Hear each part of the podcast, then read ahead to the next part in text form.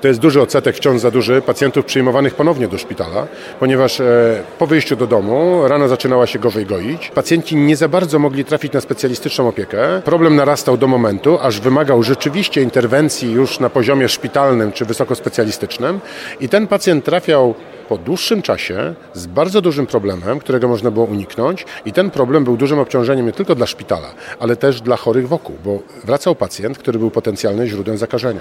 A więc to znowu to błędne koło zakażeń miejsca operowanego cały czas się nakręca, zamiast ulegać wygaszeniu. My je wygasimy do, właśnie wtedy, jak nie dopuścimy do tak zaawansowanych komplikacji, jak my tego pacjenta przyjmiemy wcześniej w poradni i w zdecydowanej większości jesteśmy w stanie mu pomóc. Programy pilotażowe robione w różnych krajach Europy wykazują, że każdy racjonalny zestaw działań mających na celu zmniejszenie zakażenia miejsca operowanego rzeczywiście daje efekty. O parę procent, paręnaście. Natomiast widać jedno, tak, że jeżeli my nasze działania wystandaryzujemy bardziej, zrobimy je bardziej przemyślane, to my jesteśmy w stanie bardzo dużo tutaj w tym zakażeniu miejsca operowanego zmienić, no i to na korzyść.